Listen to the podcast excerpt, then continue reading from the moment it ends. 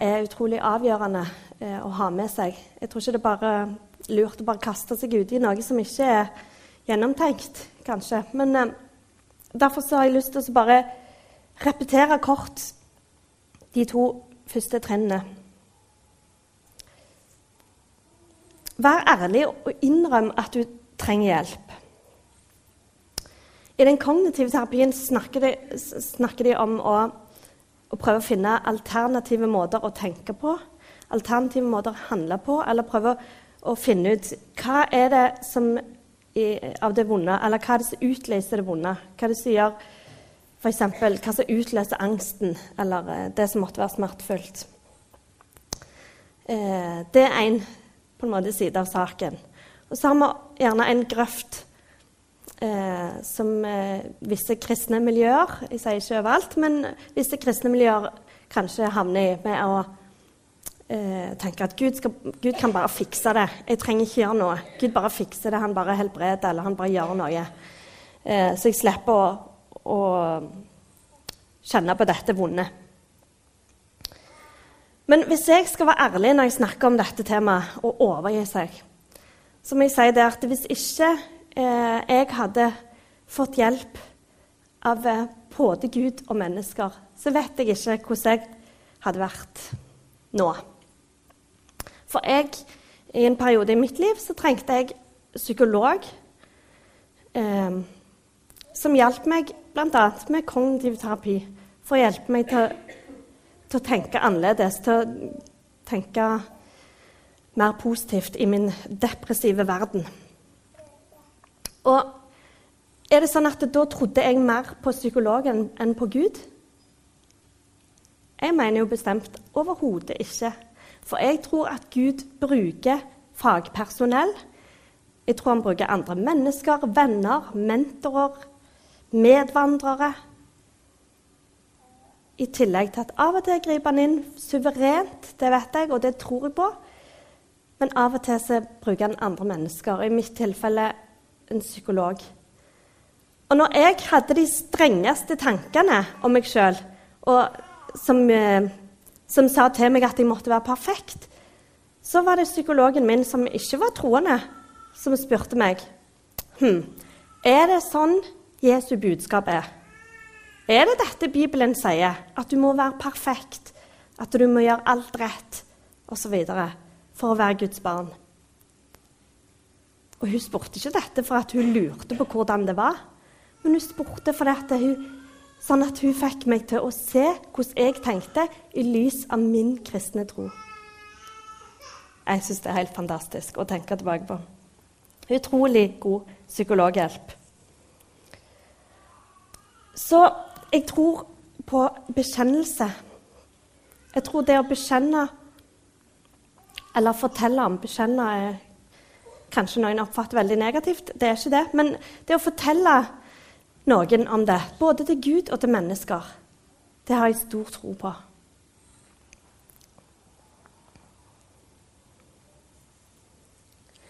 Det er med på å ufarliggjøre problemet. Det er med på å avvæpne problemet. Og det Eh, hjelpe oss til å eh, involvere Gud i det. Når vi forteller det både til Gud og mennesker, så blir det mindre farlig. Så min oppfordring er vær ærlig og fortell en du stoler på, og fortell til Gud alt det som er vanskelig. Så var trinn to det var å regne med at Gud fins. Og at han ønsker å hjelpe oss. Det er ikke sånn at Gud skapte verden og oss og ga oss de ti bud og en uh, relativt utfordrende verden å leve i, og sa ha det, snakkes, klar dere sjøl. Nei, han gjorde ikke det. Han har sagt 'Jeg er med dere alle dager'. Sånn som det står i Matteus 28, 20. Han er med dere alle dager inntil verdens ende.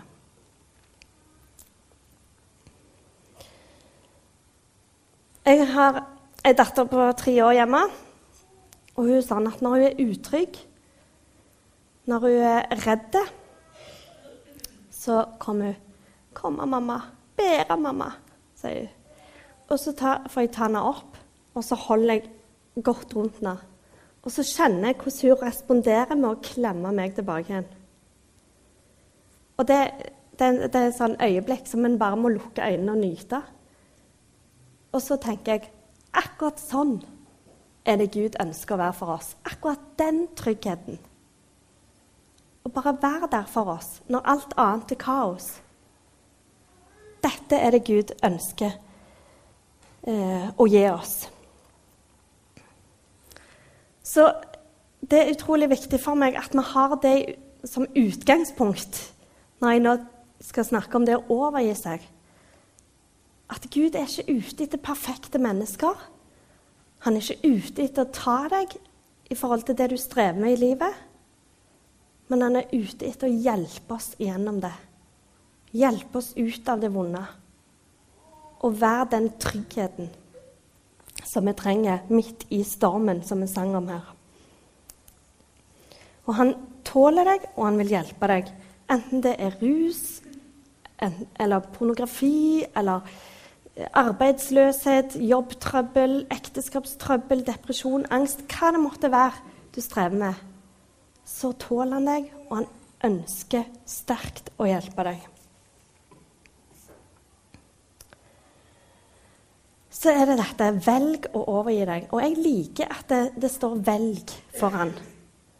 For det sier oss noe om at det er et alternativ. Vi trenger ikke å bli værende i det vonde. Men det fins et alternativ, og at Gud ønsker å hjelpe oss inn i det alternativet som han har til oss. Som er bare godt, som er frihet. Og med dette temaet så følger eh, skriftstedet, skriftstedet fra bergprekenen Salige er de ydmyke, for de skal arve jorden. Neste bibelvers, Aleksander. Der, ja.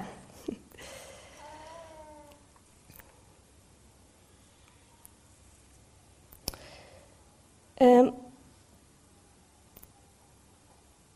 hva er det å overgi seg?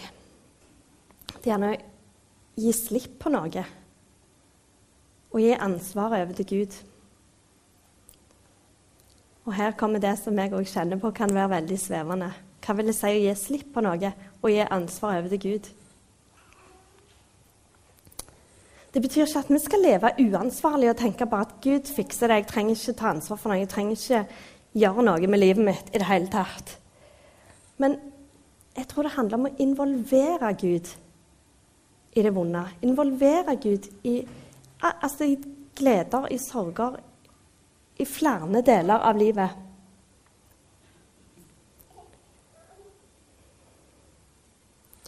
Og det å gi kontrollen til Gud tror jeg kan være både konkret og håndfast. Men jeg tror alltid at vi kommer til å leve i en spenning mellom det å ha behov for kontroll og forutsigbarhet, og det å stole på og ha tillit til Gud. Den spenningen tror jeg vi kommer til å leve i alltid. Og så er vi forskjellige. Så er noen sånn at de elsker å ikke ha snøring på hva som skjer rundt neste sving, og bare leve i spenningen. Mens andre friker ut hvis ikke de har en fem- eller tiårsplan framover. Sånn er vi forskjellige. Men Gud er Gud for alle typer mennesker. Uansett hva slags grøft eller hvordan vi er er skapt, så er han Gud for oss alle sammen. Og han har skapt oss, og han kjenner oss. Han vet akkurat hvordan vi er, og hva vi strever med. Så involver Gud i alt. Involver Gud i det, det vanskelige. I alt hva du måtte streve med.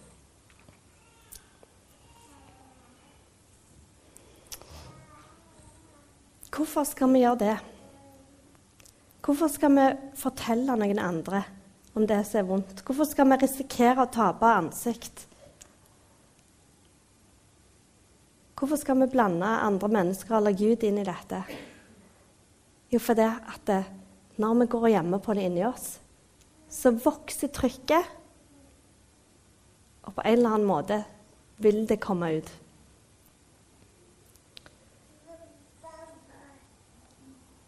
Skal vise dere en desperasjonens onde sirkel her. Når vi går hjemme på ting inni oss, så vil vi bære på skyldfølelse. Vi vil kjenne på skam, gjerne. Uff, dette er kjipt å streve med. Dette er ikke godt. Jeg, sånn skulle jeg ikke hatt det. Så fører det til sinne og frustrasjon etter hvert. Ah, dette det passer seg bare ikke som en kristen å streve med dette. Dette, Uff, nei. Æsj. Sånn vil jeg ikke ha det. Og så fører det igjen til frykt. Ah, tenk om noen ser hvordan jeg har det. Tenk om noen vet hva jeg strever med. Hva, hva vil de tenke og tro om meg, da? Og gjerne frykt for at det aldri vil gå over. Tenk hvis jeg alltid kommer til å ha det sånn.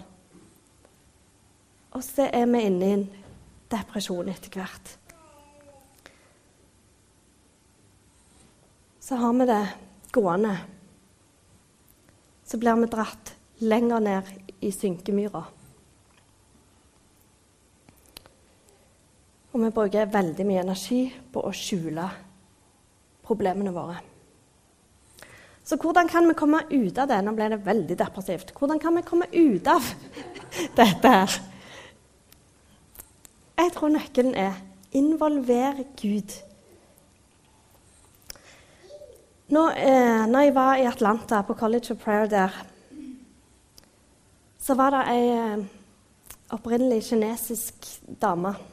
Hun bodde vel i USA et sted, men med kinesisk utseende.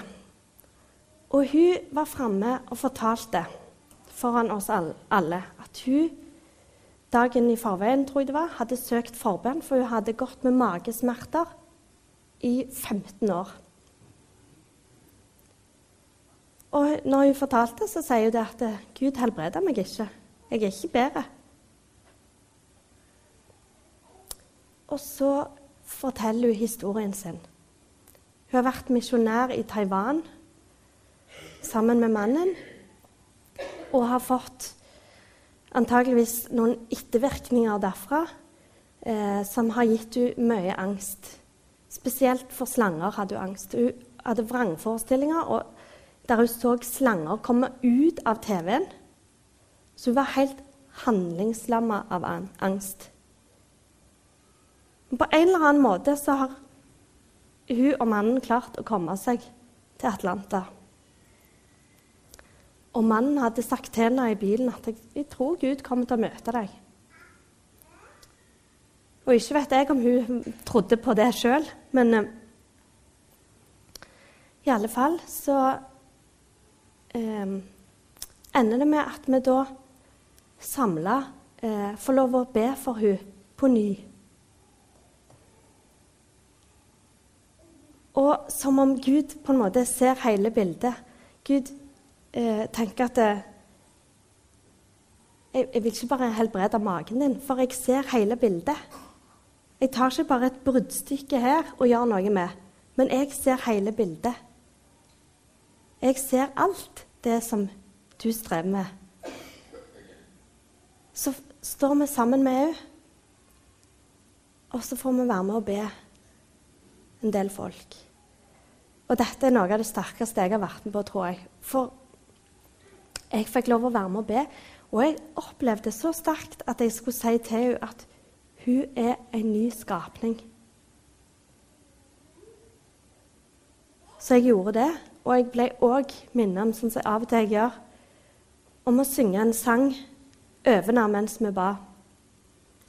Jeg fikk lov å synge en sang om Guds fred over henne, som var så eh, full av angst og hadde så smerter i magen. Så mens de andre ba, så fikk jeg synge. Og så ser jeg hvordan Gud forandrer henne, hvordan Gud jobber i henne. Hvordan Gud gjør noe med henne. Og tårene renner på henne. Og hun kviskrer helt rolig. Kroppen min er helt stille. Magen min er helt stille. Så fikk Gud lov oss å ta hele bildet hennes og gjøre henne heil igjen. Det var utrolig sterkt å være med på.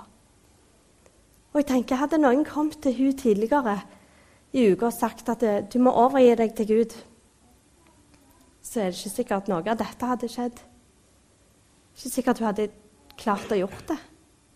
Men jeg tenker fordi hun tok de trinnene her i rett rekkefølge Hun var først ærlig og sa at jeg jeg forstår at jeg ikke er Gud, hvert fall, og jeg har i hvert fall ikke kontroll over dette livet mitt og denne angsten. Jeg trenger hjelp. Og punkt to hun, Om det var, bare var et lite blikk hun løfta til Gud i alt det vonde, så gjorde hun det.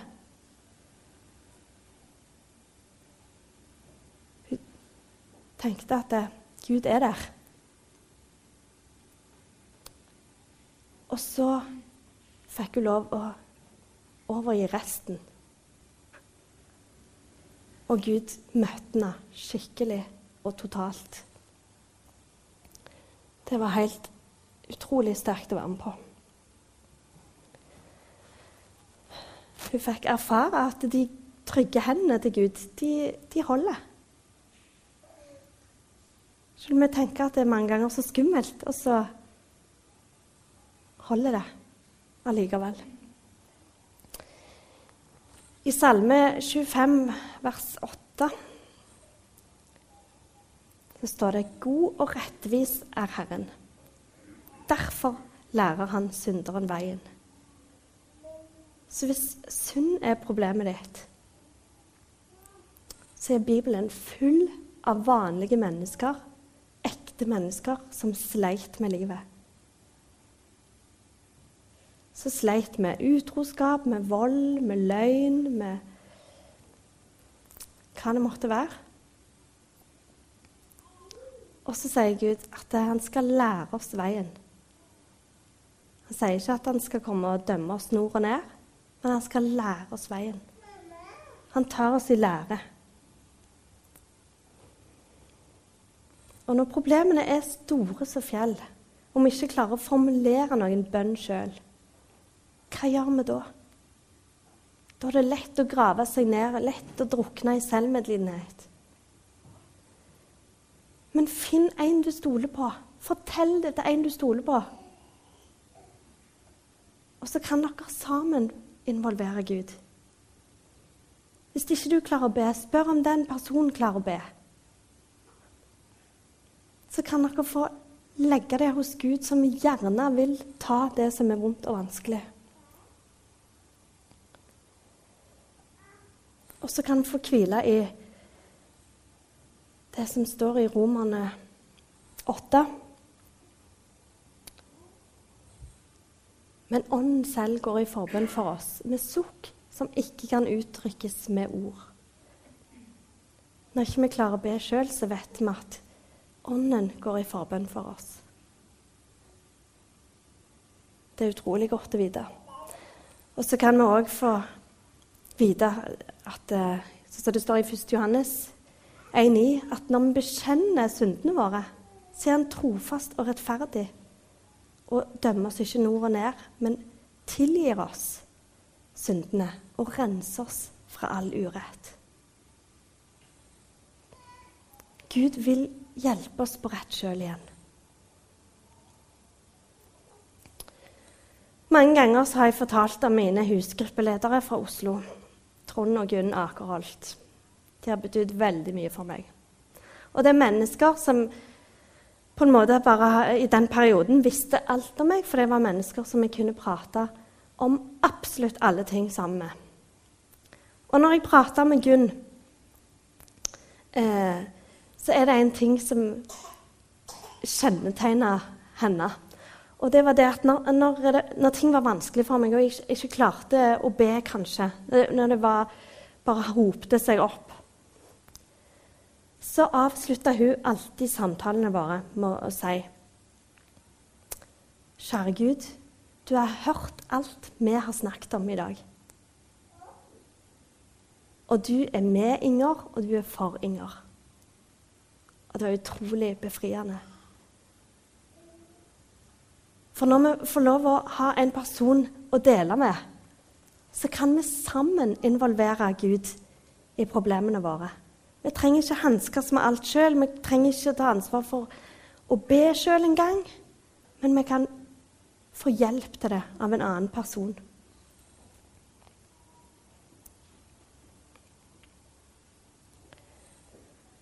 Og det å få involvere Gud i det vanskelige, det vil føre til en frihet.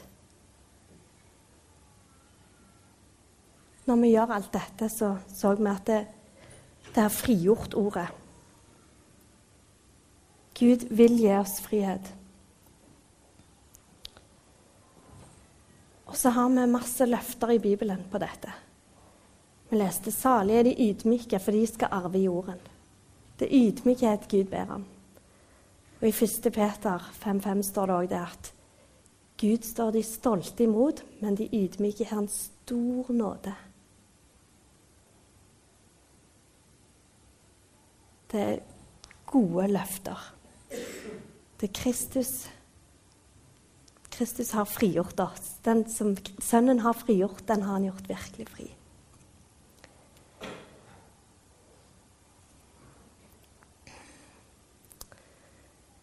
Det å overgi seg er òg å gi drømmer og planer til Gud. Kanskje har vi det ikke vanskelig hele livet, forhåpentligvis ikke. Men det å involvere Gud i planene våre, i drømmene våre, i det dagligdagse livet. I jobben vår, i ja, vennekretsen vår. Utfordringene vi har i hverdagen. For min del så hadde jeg en uh, veldig klar plan om å ta helsesøsterutdanning. Jeg hadde kommet inn på skole og alt. Og jeg opplevde at Gud kviskra til meg på et vis at uh, Gi denne planen her til Gud. Gi denne planen til meg. Så sa jeg bare det var ikke noe hokus pokus. Så sa Gud OK, jeg gir denne planen til deg. Så leder han meg hertil. Og det har gjort meg utrolig godt.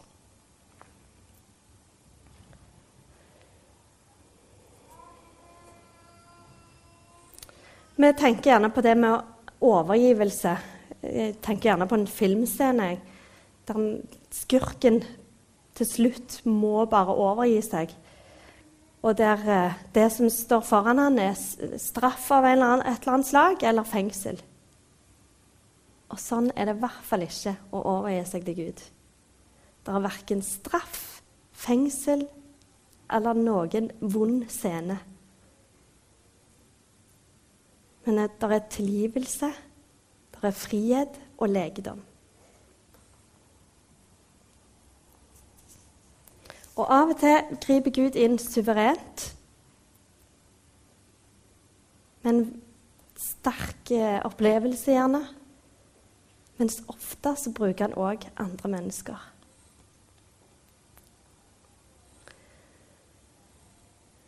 Ofte så drar vi på alle de vonde tingene alene. Hvorfor gjør vi det? Det gjør oss jo så vondt, og det øker bare trykket inni oss. Jo, det kan sikkert være mange ting. F.eks. stolthet. Jeg vil ikke innrømme at jeg sliter med noe. Jeg vil ikke innrømme at jeg trenger korrigering av noe slag. Jeg klarer meg fint. Jeg har et greit liv. Eller kanskje skyld og skam eh, bare inntatt hele deg, så du ikke ser veien ut. Og frykt, frykt for hva de andre vil si. Kanskje. Eller bekymringene er bare vokst så store at det, du vet ikke hvordan du skal hanskes med det. og ikke minst tvilen. Jeg skjønner godt at det ikke er lett å overgi seg til noe hvis, hvis du lurer på om det faktisk holder. Hvis du tviler på om det kan være sant. Men vet du hva? Gud kjenner deg. Han vet hva du tenker. Han, han, vet om tvilen, han vet om det vonde. Han vet om bekymringen, skylden og skammen og alt du bærer på. Så kan like godt involvere han i det.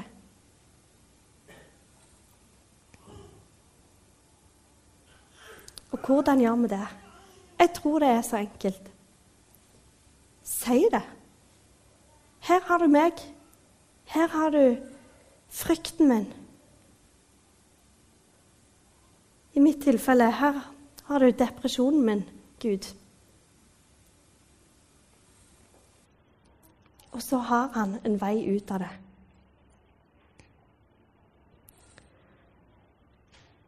Så er det gjerne sånn at det, de vi stoler mest på, er de vi kjenner best. Men så vet vi òg hvem vi ikke kan stole på. Men jeg tror det er sånn med Gud òg at jo mer vi lærer å kjenne Han, jo bedre og lettere er det for oss å ha tillit til Han. Så hvordan går vi fram for å overgi oss? Jeg tror de her trinnene som vi så begynnelse, i begynnelsen, at de henger sammen, at de en hjelp for oss. Forstå at vi ikke er Gud, vær ærlig. Innrømme at vi trenger hjelp. Regn med Gud, regn med at han fins, og at han ønsker å hjelpe deg. Og jeg tror bare det sånn som hun her kinesiske dama som omtrent bare fikk løfta blikket så vidt til Gud i all den angsten hun, hun hadde. Det er nok. Det er nok for Gud. Du trenger ikke en kjempesterk ja, tro for, å, for at Gud ønsker å hjelpe deg.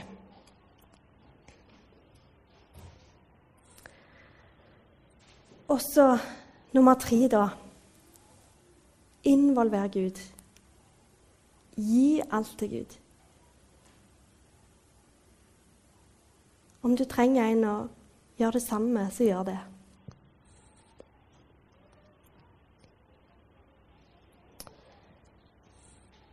Jeg tror bekjennelsen er helsebringende for oss. Det å fortelle til en stoler på, og fortelle til Gud. Fortelle om problemet som ett ledd, men jeg tror det er et ledd til. Å bekjenne at Gud er større enn mine problemer. Det tror jeg gir gode nøkler til å overgi seg. Bekjenn problemet og bekjenne at Gud er større enn problemet.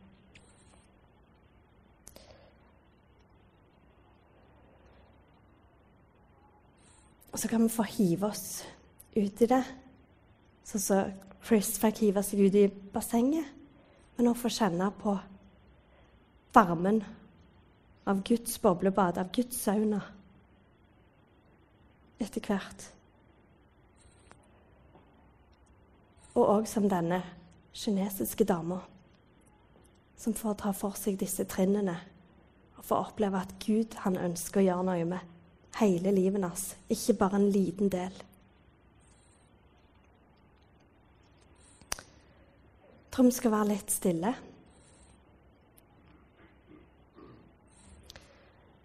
Og eh, vi kan lukke øynene, og så kan vi kjenne Hvis Gud har bedt deg om å overgi deg sjøl eller en spesiell situasjon så skal du vite at det, det sitter forbedere bak her i salen på bakerste rekke med døra. Så du kan ta tak i en av de. eller ta tak i en du stoler på. Hvis du trenger å fortelle det til noen. Så kan du få, der du sitter, få lov å involvere Gud i, i det som han minner deg på. Du kan få lov å spørre Gud om det er noe som du trenger å gi til han. Far, jeg vil bare be for denne stunden, Herre. Be om at du skal tale til oss. Be om at du skal peke på ting i våre liv som vi bærer på. Som ikke du tenkte at vi skulle trenge å bære på. Hjelp oss til å gi det til deg, Gud. Hjelp oss til å bruke hverandre, Herre. Ber i ditt navn.